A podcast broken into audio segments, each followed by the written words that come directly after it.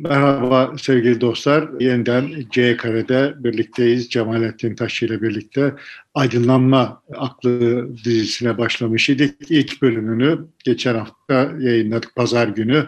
Şimdi ikincisiyle karşınızdayız. Kaldığımız yerden devam ediyoruz. Aydınlanma Aklı'nın Türkiye'de nasıl karşılandığı, nasıl uygulandığı, aydınlanmacılıkla aydınlanma aklı arasındaki farkı değinmişti birinci bölümde daha çok. Şimdi ona devam edeceğiz. Evet, bu 2020 yılında yaptığımız son program olacak herhalde. Evet, o da doğru. 2020'nin son programı bu vesileyle e, dostlarımızın yeni yılını kutlamış oluyoruz. Evet. Çok akılda kalan bir 2020 yılı e, geride kalacak bu vesileyle. Şimdi çok demin başlarken aydınlanma ile aydınlanma aklı arasındaki farka değindik dedin. Yeğenim beni birkaç hususta uyardı. Galiba bir daha vurgulamak gerekiyor.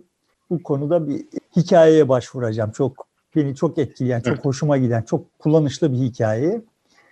Şimdi Napoli'nin bir azizi var. Canyarus mudur? Öyle bir şey yani. Yanlış bilmiyorsam Napoli'nin. 3. yüzyılda yaşamış. Bu adamın kanı olduğu iddia edilen bir şey tüpte saklanıyor. Tüplerde saklanıyor iki tüpte ve her yıl bir kere banka kasasından çıkarılıyor o tüpler törenle böyle on binlerce müminin şahitliği altında kan sıvılaşıyor. Yani işte bilmem kaç 17 yüzyıldır 17 yüzyıl öncesine ait olduğu iddia edilen kan sıvılaşıyor ve işte bu mucize karşısında o mucizeye şahit olan müminler kendilerinden geçiyorlar filan işte cuşa geliyorlar. Sonra bir sonraki seneye kadar yeniden banka kasasına kapatılıyor bu. Şimdi hikayenin şöyle bir de, deliği var. Yani adam 3. yüzyılda yaşamış, ölmüş ama yanlış hatırlamıyorsam 17. yüzyıla kadar, 18. yüzyıla kadar böyle bir ritüel yok. Yani kilise mesela 15. yüzyılda, 13. yüzyılda falan böyle törenler yapmamış yani. Napoli Kilisesi. Dolayısıyla orada bir, bir tuhaflık var. Bir tarihte başlıyor bu iş ve tam olarak hangi tarihte başladığı da galiba belli değil ama kabaca şöyle bir şey var. Kilisenin simyayı yasakladığı bir döneme denk geliyor bu ritüelin başlangıcı. Buradan parçaları birleştirdiği zaman birçok kişi şöyle bir sonuca varıyor. Yani kilise daha önce karışmadığı hatta desteklediği simya çalışmalarını bir tarihte yasaklıyor. Yasaklamasının sebebi işte böyle bugün aydınlanmacıların çok sevdikleri geyikle işte din, bilim çatışması vesaire falan değil. Simyacılar gemi azıya alıyorlar, sıradan insanları dolandırıyorlar. Bir takım yani bakır altın yapmaya çalışırken buldukları mucizevi bir şeylerle sıradan insanları dolandırıyorlar. Bu şikayetler yoğunlaşıyor. Bunun üzerine kilise simyayı yasaklıyor. Öyle bir bilim düşmanlığıyla falan falan değil yani. Muhtemelen o tarihte... Toplumdan gelen bir talep, bir ihtiyaca karşılık olarak hareket ediyor yani. Evet. Yani bir istismar var. Bu istismar... Toplumdur tabii. Otoritede, kilisede bu istismara set çekiyor yani. Normal devlet davranışı sergiliyor yani. Şimdi muhtemelen ama o tarihlerde hani bu istismarcıların dışında bir de böyle hakikaten saygıdeğer, ciddi ciddi tırnak içinde bilim yapmaya çalışıyorlar. Yani o zaman adı bilim değil. Ama simya yapmaya çalışıyorlar. Hakikaten bakır altın yapmaya çalışıyorlar. Kimseleri de dolandırmayan birileri de var muhtemelen. Muhtemelen onlardan birisi kiliseye erişiyor ve diyor ki hani ben kendi çalışmalarımı sürdüreyim, izin verin, bana karışmayın.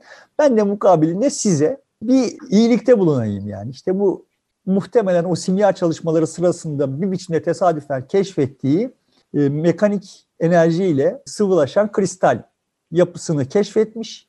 Modern bilim bunu çok sonra keşfedecek. Ama o tesadüfen bunu keşfetmiş ve işte o kristal yapısının içine biraz kan katmış. Titreştirince şeyi yani aslında o e, katılaşıyor, kristal bir e, yapıya ulaşıyor. Sonra hafif titreştirince mekanik enerji nedeniyle sıvılaşıyor. Muhtemelen olay böyle bir şey. Yani bu da benim kendi kendime uydurduğum bir şey değil. Hani sonuçta bu konuda kafa yoranların ya bu iş nasıl oluyor diyenlerin kendi kendilerine parçaları birleştirerek buldukları çözüm, bilmeceli bir çözüm. Bu hikayeyi çok seviyorum. Yani birçok sebeple çok seviyorum. İşte din, bilim ilişkisi, kilisenin vesairesine falan ama şimdi anlatmamın sebebi şu. Yani orada bir kilise var. Kilisenin bir takım iç kuralları var. O kilisede o tübü sallayıp sıvılaştırıyor olan adamlar muhtemelen biliyorlar onun kan filan olmadığını. Yani hele o Aziz'in kanı olmadığını kan olmadı. biliyorlar. Ama yani şimdi bunu beyan etmeleri sadece kendi menfaatlerine zarar veren bir şey değil. Yani oraya gelip o mucizeye şahit olduğu zannıyla işte kendinden geçen ve işte dünyayla ve Tanrı ile ilişkisi pekişen insanlara da zarar olduğunu düşünüyorlar. Dolayısıyla bu bilgiyi, kendi içlerindeki bilgiyi paylaşmıyorlar. Şimdi aydınlanma o kilisenin tutumu. Aydınlanma aklı o müminlerin tutumu. Geçen programda bunu anlatmaya çalıştım ama yeterince anlatamadım herhalde. Yani sonuçta ben kilisenin tutumunu tahlil etmeye kalkarsam, analiz etmeye kalkarsam çok böyle ağdalı bir şey olacak. Aydınlanma Kilisesi şu anda işte üniversiteler, üniversiteler bize sızıyor olan, bize aktarılıyor olan bilginin ne kadarının ne kadar tuhaf olduğu filan falan konusunda bilgi sahibiler ama şimdi bizi de sakınmak adına öyle hani çok da bilgiyi aktarmakta cömert davranmıyorlar diyelim yani. Ya da zaten bunun yolu yok. Aydınlanmanın merkezinde, kilisesinde, üniversitelerde işte mekteplerde, bürokraside vesaire filan falan ciddi ciddi aydınlanmanın çabaları sürüyor. Yani işte neydi aydınlanmanın geçen programda sözünü ettiğimiz o birkaç temel yasayı bulmak idi. O birkaç temel yasayı bulma iddiası, hayali vesaire sürüyor. Eski iştiyak kalmasa da, eski inanç kalmasa da, eski güven kalmasa da çok zorlukla karşılaşılıyor. İşte Hawking'in bak eli kulağında hemen şu dağın ardında dediği şeyin uzaklaştığını gördüğünden falan söz etmiştim. Derine doğru sondaj yapılıyor. Sert kayalara geliniyor. İşte oradan sapmalar oluyor. istikamet sapmaları oluyor vesaire filan. Ve sonuçta işte o kendi yaşadıkları sıkıntıyı bizimle paylaşmıyorlar. Paylaşamazlar da zaten. Çünkü o terminolojiye sıradan insanlar olarak biz sahip değiliz yani. Anlamamıza da yardımcı olmaya çalışıyorlar bir şeyleri. Fakat orada bir bir mücadele var. Onun onu konuşabilirdik. Yani ben işte oturup kuantum teorisi vesaire falan falan bu o hikayede nerelere denk geliyor işte oradan determinizm nasıl hasar gördü de nasıl görmedi, nasıl kurtarılabilir vesaire falan falan gibi böyle bu konuları konuşmayı tercih edebilirdim ama şık ol, evet. eğlenceli olmazdı diye düşündüm. Dolayısıyla aydınlanmanın hikayesini anlatmak yerine aydınlanma aklının hikayesini anlatmayı tercih ettim. Güzel. Zaten dizinin adına aydınlanma aklı koydum. Yani. Şimdi yeğenimin beni uyardığı hususların birincisi şuydu. Yani basınç altında sıvılaşıyor olan tek madde su değil. Evet ben bir takım elementlerin olduğunu biliyordum da bir takım bileşikler de varmış galiba. Ama bizi ilgilendiriyor olan hikayede bize ufuk açıyor olan suydu. Yaygın olan o. O yüzden su böyle hani çok özellikli bir şey olarak göstermek için evet. öyle demiştim. Öteki tarafına gelince evet yani sonuçta hala bir her şeyi birkaç denklemle ya da işte yani bir takım temel yasalarla açıklamak gibi çabalar sürüyor. Ama bu çabalar yön değiştirdi. Yani şimdi olay maddenin geometrisine doğru seyretmeye başladı ve evet geometrisinden yola çıkarak suyun davranışı öngörülebilir vesaire. Fakat bu iş benim söylemeye çalıştığım şeyleri deforme etmiyor yani. Sonuçta o aydınlanmanın evet. kendi iç problemi. Tabii ya biz zaten burada genel bir yaklaşımı, e, buradan ne anlaşılabilir, temel farklılıkları değerlendirme durumundayız. Evet, o kadar yani, ayrıntılarına ve inceliklerine girdiğimiz zaman işin içinden çıkamayız zaten. Bu işin sosyolojisi mühim yani bizim açımızdan. Evet, Şimdi sosyoloji evet. bunu nasıl sindiriyor? Yani o bir mucize gördüğü zaman bunun karşısına nasıl kendinden geçiyor vesaire filan falan üzerinde konuşmaya çalışıyoruz yani. Şimdi böyle bakınca hikayeyi yine bir başa saralım. Aydınlanmacıları büyüleyen şey öyle görünüyor ki saat. Yani Newton kendi kurduğu sisteme, kendi kurduğu sistemle birlikte aleme baktığı zaman clockwork, saat gibi diyor yani. Yani şimdi düşün ki böyle birkaç denklemle bütün birçok şeyin sırrını çözmüşsün, böyle hissediyorsun ve büyüleyici bir alem belirmiş önünde. Daha doğrusu büyüleyici alem başka bir derinlik, bir mana kazanmış ve bu kazandığı manayı adlandırmak için saate başvuruyorsun. Yani senin kendin yaptığın, insan olarak yaptığın bir cihaza başvuruyorsun. Buradan anlaşılıyor ki saate çok ciddi bir mana yüklemişler. Bunun zaten sonrasında da zaten sayısız hikayesi var. Uzun süre Avrupa entelijansiyasını saat çok meşgul etmiş öyle görünüyor. Mesela yani saatten muratları biraz da beklentilerin e, karşılanması, sistemin ne olduğunu, nasıl çalıştığını açıklık yani. Şu saatte şu olacak, böyle olacak gibi bir yaklaşım mı? Yok yok yani saatin düzenlilik. Yapısı yani o mekanizma çok büyüleyici görünüyor. Yani ilk defa böyle bir şey yapılmış kendi kendisine durmadan ben müdahale etmeden kendi kendisine çalışabiliyor olan bir şey. Bunun bir takım özellikleri var onlara geleceğim. Yani o saatin özelliklerine geleceğim. Ama yani sonuçta bir şey yapmışsın işte sarkaç enerjisinden yararlanarak mütemadiyen çalışıyor. Bu mütemadiyen çalışmayı kendiliğinden mütemadiyen çalışmayı tekrar şeyi hatırlatayım. İki tür alem var idi. Bir tanesi biçimsiz insanların biçimsiz yeryüzü. Ötekisi kusursuz meleklerin kusursuz gökyüzü. O kusursuz meleklerin kusursuz gökyüzü ayırt, ayırt edici özelliği neydi? Ay durmadan dönüyor. Güneş durmadan dönüyor. Bir teviye kendiliğinden tekrarlanıp duran bir şeyler var ve o anlaşılan o ki o kendi kendiliğine kendine tekrarlanan şeylere bir özel saygı var. Şimdi saat işte onu yapıyor yani. Şimdi yeryüzünde sen bir cihaz yapmışsın ve saat bir teviye kendisini tekrarlıyor yani. Durmadan müdahale etmen gerekmiyor işte. Belli periyotlarla belki kuruyorsun ama ondan sonra o sanki kusursuz meleklerin kusursuz gökyüzüne ait bir şeymiş gibi yeryüzünde çalışıyor. Şimdi bundan büyülenmişler. Bu görünüyor yani. Bir tane ilahiyatçı var. Paley diye birisi mesela işte Britanya'da Allah'ın varlığını ispatlamak için saate başvuruyor. Diyor ki işte hani kumsalda yürürken ayağınıza bir şey çarpsa ve o işte onun bir taş olduğunu görseniz yadırgamazsınız yani. Tabiatta taş, tabiat taşı yapmış.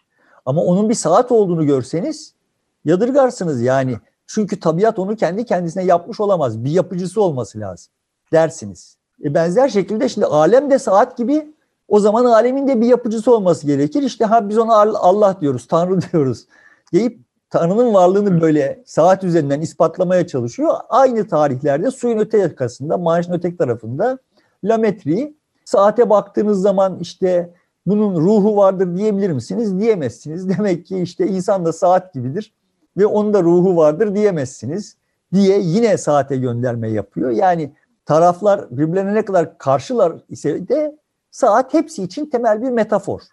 Şimdi bu saat gibilik ve saate yüklenen e, derin anlam çok uzun süre devam ediyor.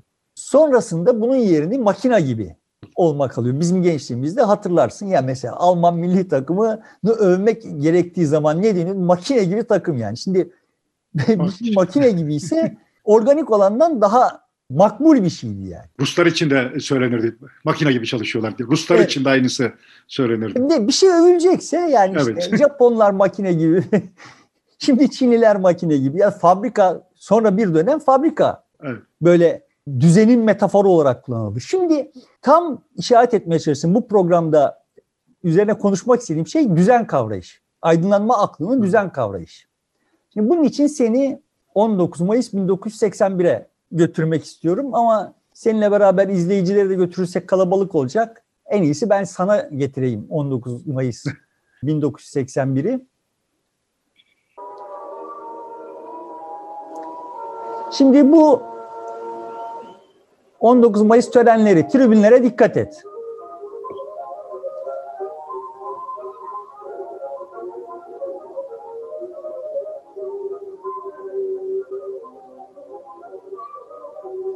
Şimdi bu video 19 Mayıs 1981'de dinci olduğu evet. rivayet edilen faşist ihtilal rejiminin Komünist Bulgaristan'dan e, ithal ettiği benim bildiğim Türkiye'deki ilk tribün koreografisi. Bütün yani çok uzun bir program idi o program ve böyle muhtelif koreografiler vardı. İşte evet, benim evet. burada gösterdiğim işte 19 Mayıs'tan Atatürk'ün güneş gibi doğduğunu sembolize eden koreografiydi. Ben bu e, törenleri izlerken e, hayatımın en derin, en yakıcı yalnızlığını yaşadım. Çünkü etrafımdaki herkes muhtelif sebeplerle, farklı farklı sebeplerle ihtilale karşı olduk olan insanlar çoğu, herkes ama bu görüntüler karşısında büyülendi. Çok etkilendi. Çok gösterişli buldu. Günlerce konuşuldu bu yani. Halbuki ben bunları izliyor iken çok derin bir tiksinti duymuştum. Ve yani benim gibi olan da çok kişi vardır diye düşünüyor idim. Olmadığını görünce böyle kendimi çok yalnız hissettim yani. Neden tiksinti hissettim? Çünkü o tribündeki insanlar artık insan değildiler. Yani onlar birer pikseldi. Yani ellerine tutuşturulmuş olan kartonları kendilerine verilmiş olan program çerçevesinde uygun sinyalleri aldıkları zaman indirip kaldırmak Bunlar üzere programlanmış birer piksel idiler. Ve ben bunu o güne kadar şahit olduğum en büyük insan yani insanın en büyük aşağılanması olarak gördüm. Ama benim etrafımdaki herkes bundan çok etkilendi yani.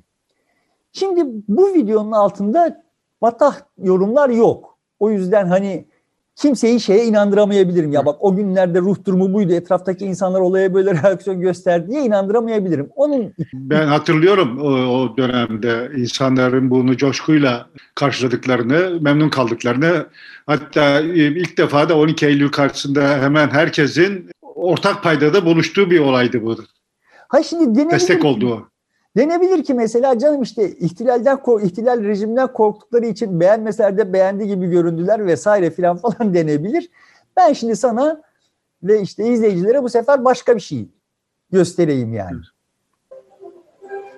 Şimdi bu Çin e, ordusundaki kadınların resmi geçidi. Evet. Böyle birçok görüntü var ee, YouTube'da ve bunlardan herhangi birisine ulaşan herhangi birisi altındaki yorumları okuyabilir. Oradan görebilirsin ki bugün hala işte insanlar bu tür görüntülerden yani insanların artık kendileri olmaktan çıkmış bir e, üniforma altında kendilerine biçilmiş, tayin edilmiş olan rolü hepsi aynı anda hep tek düzey bir biçimde tekrarlamalarından ve buna şahit olmaktan büyük bir hayranlık duygusu üretiyorlar yani.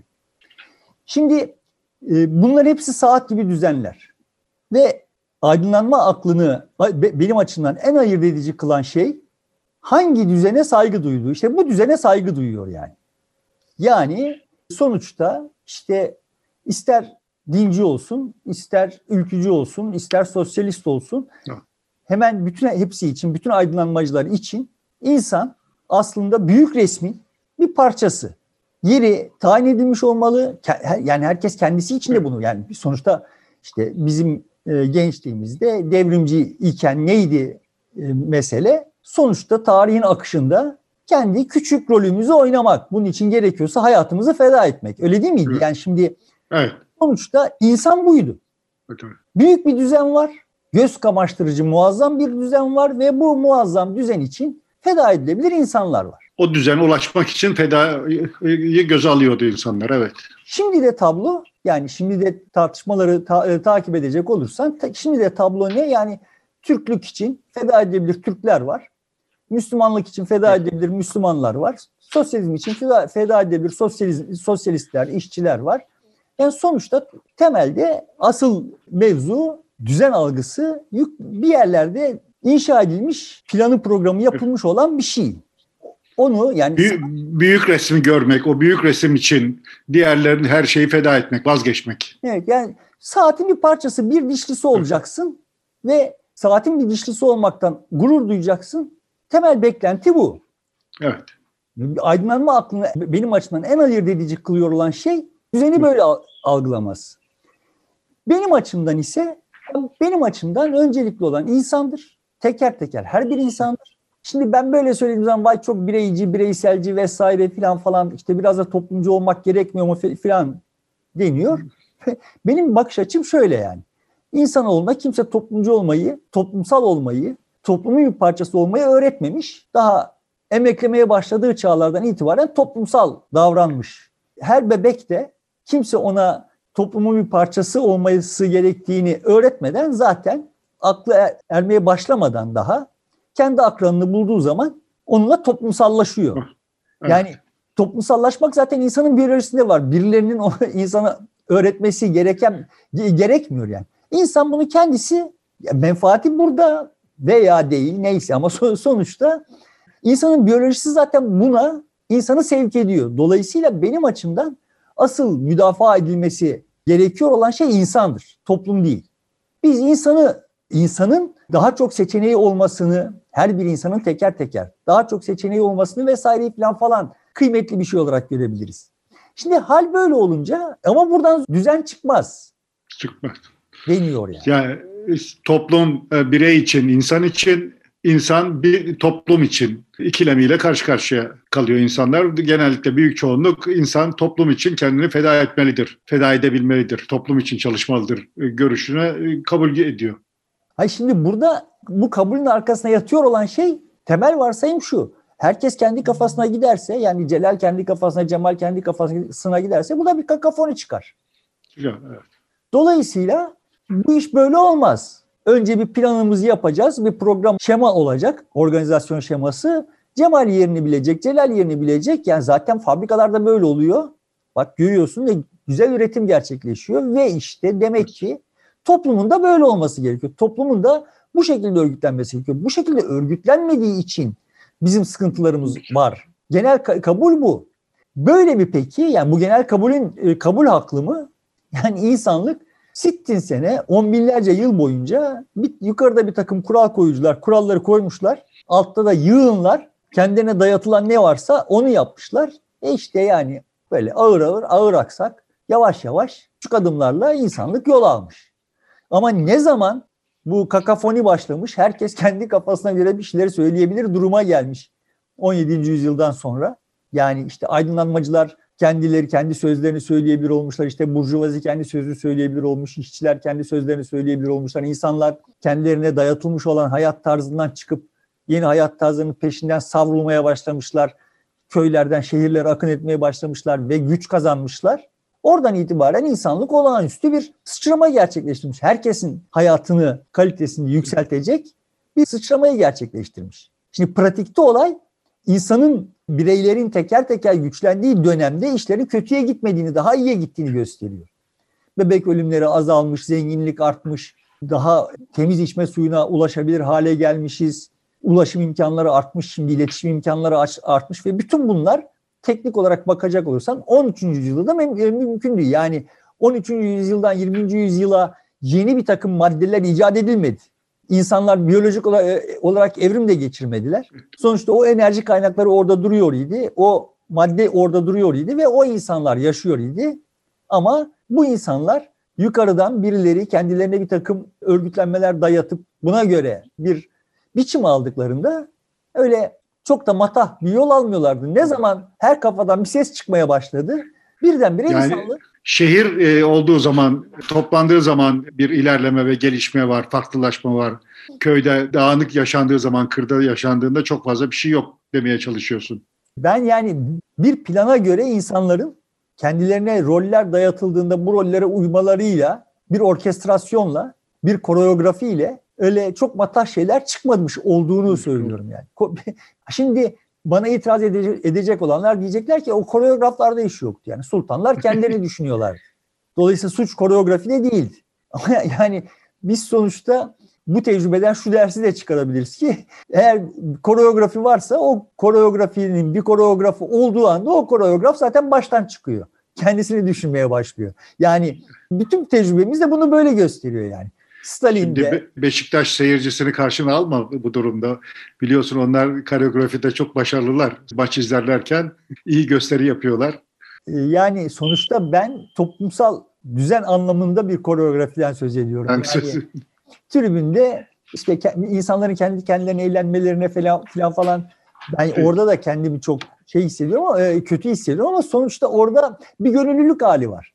Ve o evet. bir yani geçici bir şey ama şimdi 19 Mayıs 1981'de olan şey aslında zaten faşizmin kendisinin gösterisiydi. Bana birisi dese ki bana faşizmi göster kardeşim ben bu faşizmi anlamıyorum göster dese ben o o tribünleri gösteririm. Yani o kadar benim açımdan çok tayin edici yani. Faşizmin fotoğrafı oydu senin evet. tanımlamana göre. Evet. Dolayısıyla şimdi bir koreografi varsa o bir faşizmdir benim açımdan koreografinin koreografının kim olduğu da o koreografinin ne olduğu da beni ilgilendirmiyor yani. Beni ilgilendiriyor olan ortada bir koreografi varsa biz yanmışız. Birileri bizi olamayacağımız şey olmaya zorluyor demektir. Birileri bizi çok degrade ediyor, çok değersizleştiriyor demektir. Ben değerli olduğuma inanıyorum. Ben değerliyim. Herkes de değerli. Kimsenin değerini biçebilecek bir ölçüt yok elimde. Bir terazi yok. Herkes de değerli. Dolayısıyla bu değerin azımsanmasına, ihmal edilmesine itiraz ediyorum. Tabii tiyatro sahneye koyarken ortaya konulan koreografiyi ya da bir müzik söylenindeki koreografiyi kastetmiyorsun umarım. Şimdi ben aslında hani ona da dair bir misal vereyim de ama şunu söyleyeyim yani. Sonuçta aydınlanma aklı Newton'un yaptığından ilham almak, saatten büyülenmek vesaire. Şimdi saat büyülü bir şey, büyüleyici bir şey midir? Yani biz bugün büyülenmiyoruz. Ama o tarihlerde bundan büyülenilmesi anlaşılır bir şey mi? Anlaşılır bir şey. Mesele saatin var olması değil. Mesele alemi saat gibi görüp dünyayı saat gibi yapmaya çalışmakta. Çalış. Bütün evet. dünyayı, bütün toplumu. Yani sonuçta bizim dersliklerimiz olması ve orada eğitim görüyor olmamız falan falan bir şey. Yani işte okuma yazma öğreniyoruz, matematik öğreniyoruz vesaire öğrenebildiğimiz kadar burada hiç kastetmediğimiz şeyleri de ediniyoruz falan filan. Ama yani sonuçta şimdi bütün bir toplumu okul yapmak gibi bir iddiayla yola çıktığın zaman bu o başka bir şey. Mahiyet olarak başka bir şey. Ama şeye geleyim. Ben şimdi halk danslarını beceremezdim ama izlemeyi severdim. Böyle işte çok gösterişli koreografiler 1990'larda halk danslarının alanında da böyle daha giderek daha büyük ölçekli ve daha gösterişli koreografiler de modaydı hatırlarsın. Evet. Ben de bunları böyle büyülenerek izliyor idim. 1980'lerin sonu olmalı ya da 90'ların başı olmalı. Birlikte aynı evde kaldığımız Silifkeli bir arkadaşım vardı. O bir Silifke gecesi varmış. Oraya davetliymiş. Hani sen de gel beraber gidelim. iki kişilik davetiye var dedi. Ben de hani kıramadım onu. Öyle şeyleri sevmem ama gittim. Tam bir Alaturka mekan. Sıkışık sıkışık masalara dizmişler. İşte Silifke yemekleri yiyorlar vesaire filan falan. Sohbetler ediliyor. Silifke muhabbetleri dönüyor ve ben böyle aptal aptal bakıyorum yani. Silifke ile bir alakam olmamış. O sırada müzik başladı ve birisi kalktı. Yanına birisi daha kalktı. Gündelik kıyafetleriyle yani o böyle çok ince araştırmaları yapılmış falan falan olduğu iddia edilen yerel kıyafetler, yöresel kıyafetler değil. Yani gündelik kıyafetleriyle işte sivri topuklu ayakkabılarıyla şunlarla bunlarla ve amatörce yani hiçbirisi profesyonel değil ama birisi ötekisinin adımına adımını uydurarak vesaire falan falan böyle öyle bir şey çıktı ki ortaya o ona o ona o ona eklemlendi. Ben böyle dehşete düştüm yani. Hakikaten dehşete düştüm. Hakikaten büyülendim. Çünkü yani işte orada o sahnedeki koreografiden farklı olarak birincisi şey var. Coşku var. Yani gönüllü bir katılım var. İkincisi herkesin müzikten çok birbirine birbirinin adımına adım uydurmaya çalışmasından kaynaklanan başka bir doluluk, bir doygunluk, dolmuşluk var yani. O geceden sonra bu gösterişli koreografilerden eski tadı alamaz oldum. Yani sonuçta alemin müzi bir müziği var ve biz bu müziğe göre birbirimizin adımına adım uydurabiliyoruz. Uydurduk yani. Sonuçta Manchester'a köylüler hücum ettiler. İşçi oldular. Çoğu bir kız bir çoğu işsiz kaldı o işçiler. Akşamları hiç daha önce insanlık tarihinde olmamış olan bir ihtiyaçla karşılaştılar. Akşamları birlikte geçirecek, sosyalleşecek mekanlar aradılar. Birileri anında bu ihtiyacı keşfetti, pubları yaptı o publar başka bir takım kültürlerin doğmasına sebep oldu vesaire. Şimdi kimse bunları planlamadı. Yukarıda bir koreograf kardeşim madem e, Manchester'a şu kadar işçi geldi şimdi bu kadar da pub lazım demedi yani. Ama o publar normal şartlarda başka türlü karşılanamayacak olan sayısız ihtiyacı karşıladılar ve herkesi zenginleştirdiler. İçecek kültürünü, yiyecek kültürünü değiştirdiler vesaire vesaire. Şimdi biz bunları yapabiliyoruz. Zaten böyle yaptık. Şimdi bize böyle bir takım yukarıdan planlar, projeler, koreografiler dayatıyor olanlar da biliyorlar ki şimdiye kadar biz yaptığımız işleri koreografisiz yaptık. Bize hiç kimse bir koreografi dayatamadı yani. Kendisi o koreografiyi oluşturdu. Toplum e biz yani bir araya gelir. Evet. YouTube'u kurarken kimse bir zaman gelecek Cemal Leceler burada bunları konuşacak diye yapmadı yani. Google'u yapanlar Google'ın ne hale gelebilecek olduğunu yaptıktan sonra bile idrak edememişlerdi. Bir milyon dolar veren birisi olsa okutacaklardı. Şimdi bilmem kaç milyar dolar. Çünkü Google'ı Google'la yapanlar yapmadılar. Biz yaptık. YouTube'u biz yapıyoruz. Yani şimdi YouTube'un kendisi bir kabuk. Bunun içine biz bir şeyleri koyduğumuz için işte birisi o Çin ordusu videosunu koyup ötekiler onun altına bir takım yorumlar yaptığı için falan falan oluyor bunlar. Yani şimdi bunlar bize kim bunlar bir koreografisi olan şeyler değil yani. Biz yaptığımız zaman da bir koreografi değil yani. Biz yapıyoruz ve işte koreografisiz ahenkli bir şey çıkıyor ortaya. Şimdi ben bunları yıllardır, sittin senedir söyleyip duruyorum. Ama neyle karşılaşıyorum e, buna karşı? Zaten dünya biçimsiz ki işte senin dediğin gibi olduğu için biçimsiz. Şimdi yani bir şeyler yapmışız ve bu yaptığımız iş kötü bir şey yani. Ne oluyor işte çevreye şunu yapıyoruz. Onlara da geleceğim yani. Çevreye şunu yapıyoruz işte insana bunu yapıyoruz. Kardeşim yani sonuçta çevreye bizim e, atalarımız bizim verdiğimizden çok daha fazla zarar vermişler. İnsanlık ilk avcı toplayıcı döneminde yok ettiği, insanlığın yok ettiği canlı türlerin haddi hesabı yok. Şimdi bir canlı türü tarıma geçtikten sonra bir canlı türünü yok etmişliği yok insan türünün. Çünkü kendi tüketeceğini kendisi üretti yani. Şimdi de böyle bir durum var. Şimdi böyle insanlık kötüye gidiyor, insan kötüdür, insanlık da kötüye gidiyor filan gibi geyikler aslında bu aydınlanma aklının hakim kılınması için uyduruluyor olan yani gerçekliğin çarpıtılması yani gerçeklik böyle değil. Gerçeklikte insanlık ama iyi ama kötü ama doğru ama yanlış iki ileri bir geri vesaire falan falan ama daha karmaşık, daha zengin, daha biçimli bir yere doğru gidiyor yani. Bu ilerleme olarak adlandırılır adlandırılmaz. Onlar bahsi diğer. Onlar başka felsefi tartışmalara giriyor. Sonuçta biz herhangi birimiz bundan 20 yıl önceki, 50 yıl önceki, 150 yıl önceki, 1000 yıl önceki duruma katlanamayız. Ve o insanların, o dönemlerdeki insanların herhangi birisi bugünkü şartları bulsa bir daha geri dönmez. O kadar geriye de gitmeye gerek yok ya. Kendi hayatlarımızdan 30 yıl öncesini, 40 yıl öncesini katlanmamız bile çok zor. Hayır şimdi şunu diye şu denebilir diye. Yani tamam canım 30 yıl öncekinden daha iyiyiz ama 1000 yıl öncekinden daha kötüyüz. Okay. Denebilir yani.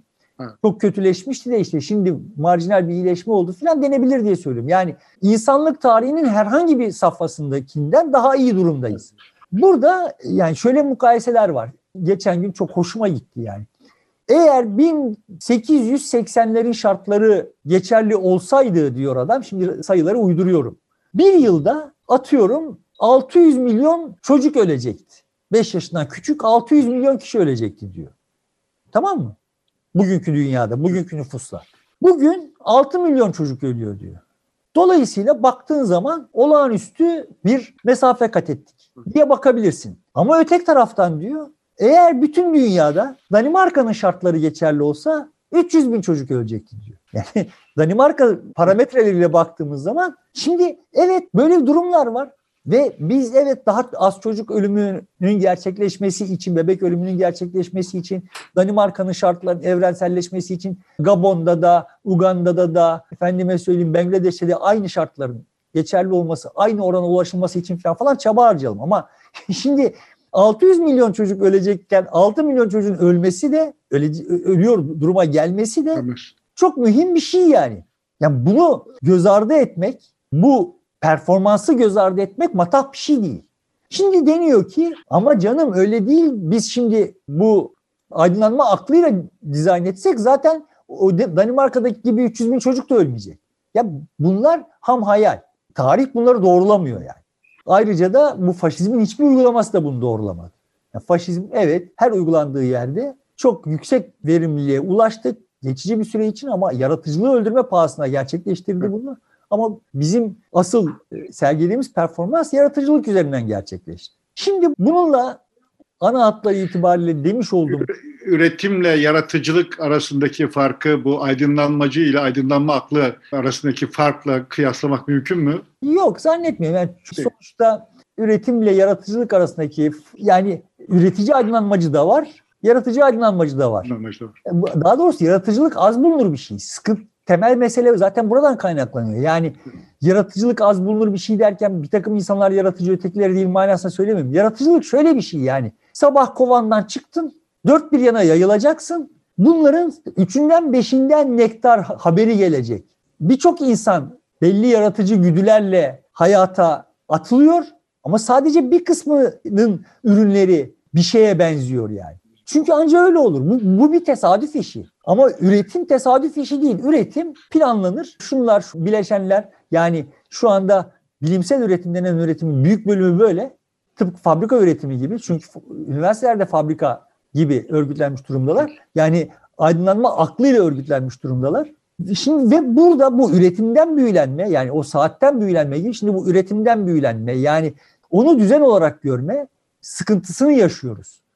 Burada demiş oldum ki özetle söyleyeyim.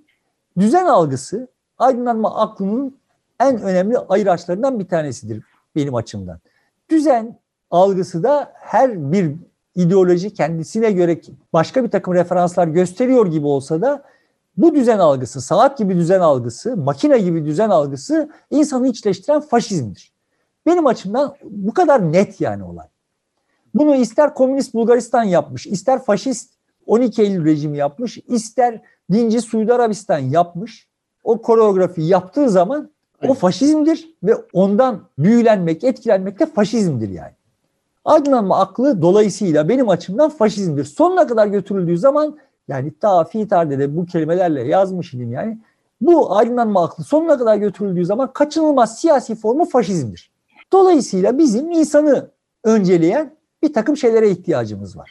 İnsanı öncelediğimiz zaman da eforun önemli bir bölümü heder olacaktır. Biz, Oysa bizim bildiğimiz aydınlanmanın e, işte demokrasiyi öncelediği, diktatörlük rejimlerine itiraz ettiği, faşizme falan geçit vermediği şeklindeydi. Şimdi sen tam tersi aydınlanma aklının e, faş, sonunun faşizme gittiğini söylüyorsun. Ki aydınlanma yani geçen programda söylemeye çalıştım. Sonuçta aydınlanmanın kendisinin bir iddiası vardı. Tablo şöyle bir şeydi yani. Şu anda biz Newton'dan ilham alarak başka şeyleri de böyle formüle edebilir olduğumuzu gördük. Şimdi o andaki ruh durumu bir hürriyet. Newton bizim kilitlenmiş olduğumuz hücrenin anahtarını buldu, kapıyı açtı. Biz şimdi buradan çıktık. Her birimiz başka bir şeyin Newton'u olacağız. Ama sonuçta hikaye bittiği zaman artık bulunacak bir şey kalmayacak. Her şey biliniyor olacak. İşte o nokta artık faşizm. Yani geçen sefer bunu söylemeye e, çalışmıştım. Şimdi aydınlanmacıların o nokta gelmeden faşist olmalarının sebebi ne? Çünkü zaten onlar o noktanın geldiğini düşünüyorlar. Yani şu anda biz toplumun nasıl düzenlenmesi gerektiğini biliyoruz. Biliyor isek o üretilmesi gereken yani aydınlanmacıların biz şu bilgiyi üretelim diye özgürlükçü oldukları faz geçti. Biz o bilgiyi ürettik. Dolayısıyla şimdi bunun tatbik edilmesi gerekiyor. Bütün mesele bundan ibaret ve ama işte bu kapitalistler, şurada işte şunlar, burada anarşistler vesaireler filan falan buna mani oluyorlar. Halbuki şöyle dört başı mamur Platon'un Republik'i gibi bir sistem kursak işte bilenler vaziyet etseler mevzuya pandemi hiç yayılmadan ya nasıl olacak? Hepimiz eve kapanacağız. Yani faşizmin dik alası olacak ve pandemi yayılmayacak. Şimdi böyle bir hayal aleminde yaşanıyor yani. Bunun teknik olarak mümkün olup olmadığı yani evet. aslında pandeminin ne olduğu vesaire falan falan gibi konulara kafa yorulması gerekmiyor. Aslında temel sahip hemen herkesin temel sahibi başka insanların yerini tayin etmek. Yani sen şimdi şu tribünde şu noktada oturacaksın. Şu işaret geldiği zaman turuncu şeyi kaldıracaksın. O geçtiği zaman maviyi kaldıracaksın. Böyle ben bunları söylersem ne kadar gösterişli bir şey ortaya çıkacak yani. Ve yani Ama pandemi konusunda da karşı bir tez ortaya çıkmadı. Eve kapanmaların dışında şöyle yaparsak bu iş hallolur diyen de yok. Şimdi hepimiz aydınlanmacıyız derken zaten kastettiğim şey bu yani. Aslında hepimiz aydınlanmacıyız ve ciddi bir aydınlanma faşizmi var. Bu çevre konusunda daha e, fahiş biçimde görünüyor. Bu düzen algısı konusunda konuştum. Şimdi düzenin tesisi, bunun nasıl tesis edileceği hususuna geleyim o zaman. Aslında hani buraya kıştırmak istemiyordum. Onu ayrı bir program yapmak istiyordum ama. Hmm. Şimdi pandemi konusunda aslında itirazlar var. Çok mesela Almanya'da muhtelif gruplar bir araya gelip gösteriler yaptılar. Bizde yapılması gösteri herhangi bir şey gösteri yapılması imkansızlaştırıldığından bizdeki zaten faşizm olduğundan itirazlar gün yüzüne çıkamıyor yani. Hı. Ama dünyanın muhtelif yerlerinde bu hususta itirazlar var. Şimdi temelde mesele nasıl formüle edildi? Kardeşim bak senin kendi payına ne düşünüyor olduğunun ehemmiyeti yok. Bilim ne diyorsa onu yapacağız. Şimdi böyle bir bilim algısı var. Aydınlanmacı aklın yani hangi ideolojiye sahip olursa olsun. Aydınlanmacı aklın böyle bir algısı var. Bilim diye bir şey var. O bir şey bize pandemi konusunda ne yapacağımızı söyleyebilir, söylemeli. Ve biz de onu dinlemeliyiz. Yani şimdi tekrar biz her birimiz büyük bir dişlinin birer parçasıyız. Adam kendisi bize bir şey dayatmaya kalkmıyor. Bilim adına bir şey dayatıyor. Bilim ne derse o diyor şimdi. Halbuki şimdi bilim bize ne diyebilir pandemi konusunda? Bilim bir haritayı çıkartma faaliyetidir. Bir coğrafyanın keşfedilmesi faaliyetidir. Alemin nasıllığı hakkında bir keşif faaliyeti. Bilimi tanımlamak, bilimsel faaliyet tanımlamak kolay bir iş değil ama en benim içime sinebilecek tanım böyle bir şey yani. Şimdi bir şeyleri, bir yerleri bilmiyoruz, bir şeyleri bilmiyoruz. Bunları keşfetmeye çalışıyoruz. Yani bilim icat değildir. Keşif işidir. Orada zaten var. Elma düşüyor zaten. Bu neden düşüyor? Bulursun. O kural orada var ve sen o kuralı deşifre ettin yani. Şimdi pandemi de var. Kendisi var. Ve bunun dinamikleri var. Bunun kuralları yani e, bu dinamikleri keşfedebilirsin. Keşfetmişiz zaten belli ölçüde. Daha önceki pandemileri analiz ederek filan falan pandeminin dinamiklerini aşağı yukarı keşfetmişiz yani. Ama bilim bize pandemiye karşı ne yapmamızı, ne yapmamız gerektiğini söyleyemez. Bize pandemiyle mücadele konusunda teknoloji yardımcı olabilir. Aşı bir teknolojidir, bilim değil. Bilimden yardım alır, almaz. Daha önce çiçek aşısı geliştirilirken o çiçek aşısının niye çalışıyor olduğu, niye işe yarıyor olduğunu bilim bilmiyordu. Çiçek aşısı teknolojisi geliştirilmişti. İşe de yarıyordu. Çiçek hastalığına çareydi. Onu tedavi ediyordu ama bilim bilmiyordu neden olduğunu yani. Dolayısıyla bilim ve teknoloji birbirinden ayrı ayrı şeyler. Şimdi aşı bir teknolojidir. Ama bilimden yardım alabilir, bilimin önünde gidebilir vesaire bunları bilmiyoruz. Şimdi bu yeni geliştirilen aşılar işte bilimden yardım almışlar ve fakat aslında ne yapacakları konusunda hepimizin bilmedikleri var. Bilim insanlarının da bilmedikleri var, tereddütleri var yani. Bilim böyle bir şeydir. Şimdi bilim sana der ki bak bu e, şey böyle bulaşıyor virüs. Ama başka bilim insanları da der ki bak eve kapanmak durumunda işte şöyle bir kireçlenmeye maruz kalırsın. Şurada şu olur. Başka bir bağışıklık sisteminden çöker. Evet, bağış... yani eve kapandığında bağışıklık sistemi çökebilir. Evet. Başka bilim insanları da der ki e, e, bu eve kapanma durumu depresyonu şöyle körükler ve şu kadar intihar olur. Yani şimdi sonuçta bunların tamamının haritası yok elimizde yani. Her bilim insanı farklı farklı yönlere gitmiş, farklı farklı haritalar çıkartmış. Şimdi birileri bize aslında bilimin bu olduğundan falan falan habersiz bilim bize söylesin ne yapacağımızı. Ve bilim bize söyledi başta. Onların bilim dediği şey söyledi. Ne dedi? Şu yüzeylere dokunmayın, işte eldivenle dokun. Sonradan anlaşıldı ki bu virüs yüzeylerden bulaşmıyormuş. Öyle mi? Yani bilim böyle bir şeydir. Bilim bilmez. Öğrenir yani. Ya bu pandemi geçip gittikten sonra bilmem ne kadar zaman sonra bu pandemi hakkında bir yığın şimdi bilmediği şeyi öğrenecek. Ve bir yığın da bilmediği şey kalacak. Neyi söylesin bize bilim? Pandemiye karşı ne yapılacağı politik bir karardır. Bilimsel bir karar değil. Şimdi ama hani demiş oldum ki bu programda aslında dediğim gibi bunu, buraya girmek derdinde değildim.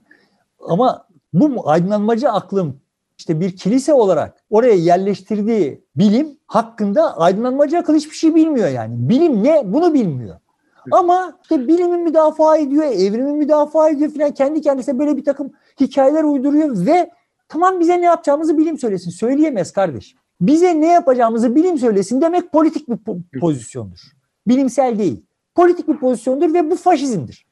Yani bugünün faşistlerinin en birinci sığınağı bilim. Bize ne yapılacağını bilim söylesin. Çünkü varsayımı şu. Aslında bilim onun söylediğini söyleyecek. Temel varsayımı bu. Bunu en yaygın olarak çevre meselesinde görüyoruz. Bunu, ayrıca onu teferruatıyla konuşmak gerekiyor. Ama esas sıkıntımız şu. Şu anda dünyada yeni bir dalga var. Bu dalga bir yığın şeyi politikleşmekten çıkartıyor. İşte Me Too hareketinde böyle bir şey alternatifini söyleme imkanını ortadan kaldırarak iş yapmaya çalışıyor. Bu faşizmdir. Bilim dediğin mekanizmanın en birinci özelliği alternatifini söyleme özgürlüğüdür.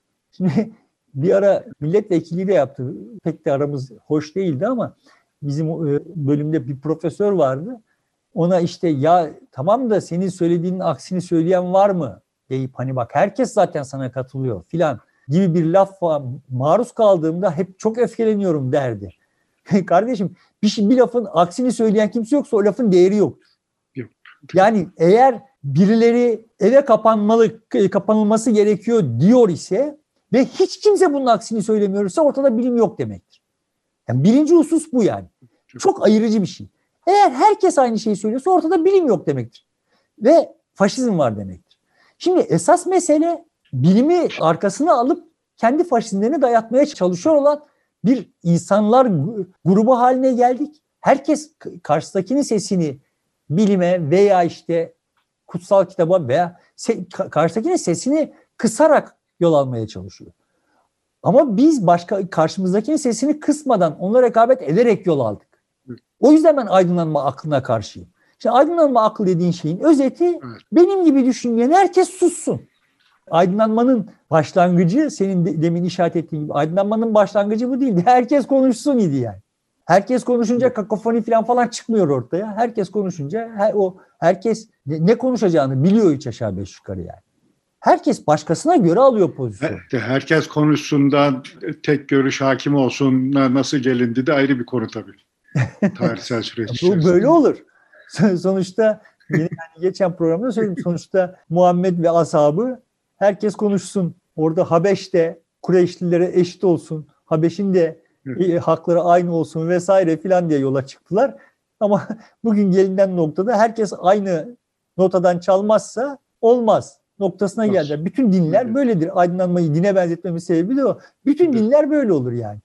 Orada işte kendisini tebliğci görenler kendi üç kuruşluk bilgileriyle, üç kuruşluk fizik bilgileriyle bir alemi makine haline getirmeye çalışırlar. Vesaire. Böyle olur. Dolayısıyla bizim şimdi tırnak içinde yeni bir din icat etmemiz gerekiyor ve ben yani e, hep de söylüyorum bu yeni dinin peygamberi olmayacak. Bunu hep beraber yapacaksak yapacağız yani. Hep birlikte kardeşim bir dakika bak hepimizin konuşması hepimizin menfaatine ye gelmemiz gerekiyor. O noktaya doğru gidecek yani bir herkesin konuşabileceği bir ortam olursa yeni bir din ortaya çıkmış olacak. Bu da bizi kurtaracak. Ben yani şimdi gençlerin bu konuda yani ben böyle hani işin sadece teorik ve normal dinamikleri açısından baktığım zaman bu gidişat tırnak içinde bilimsel bir bakışla baktığım zaman kendi bildiğim bilim işte sistem dinamiği vesaire açısından baktığım zaman bu gidişat berbat bir gidişat. Buradan bir çıkış yok diye bakıyorum. Bir anekdotla kapatayım bunu. Böyle benim ders verdiğim Anadolu Üniversitesi Endüstri Mühendisliği bölümü üniversite ayrılınca Osman Gazi Üniversitesi'ne kaldı. Ben de zaten ayrılmıştım yani. Ama Anadolu Üniversitesi'ne de bir endüstri mühendisliği bölümü kuruldu ve hoca sıkıntısı çekiliyor.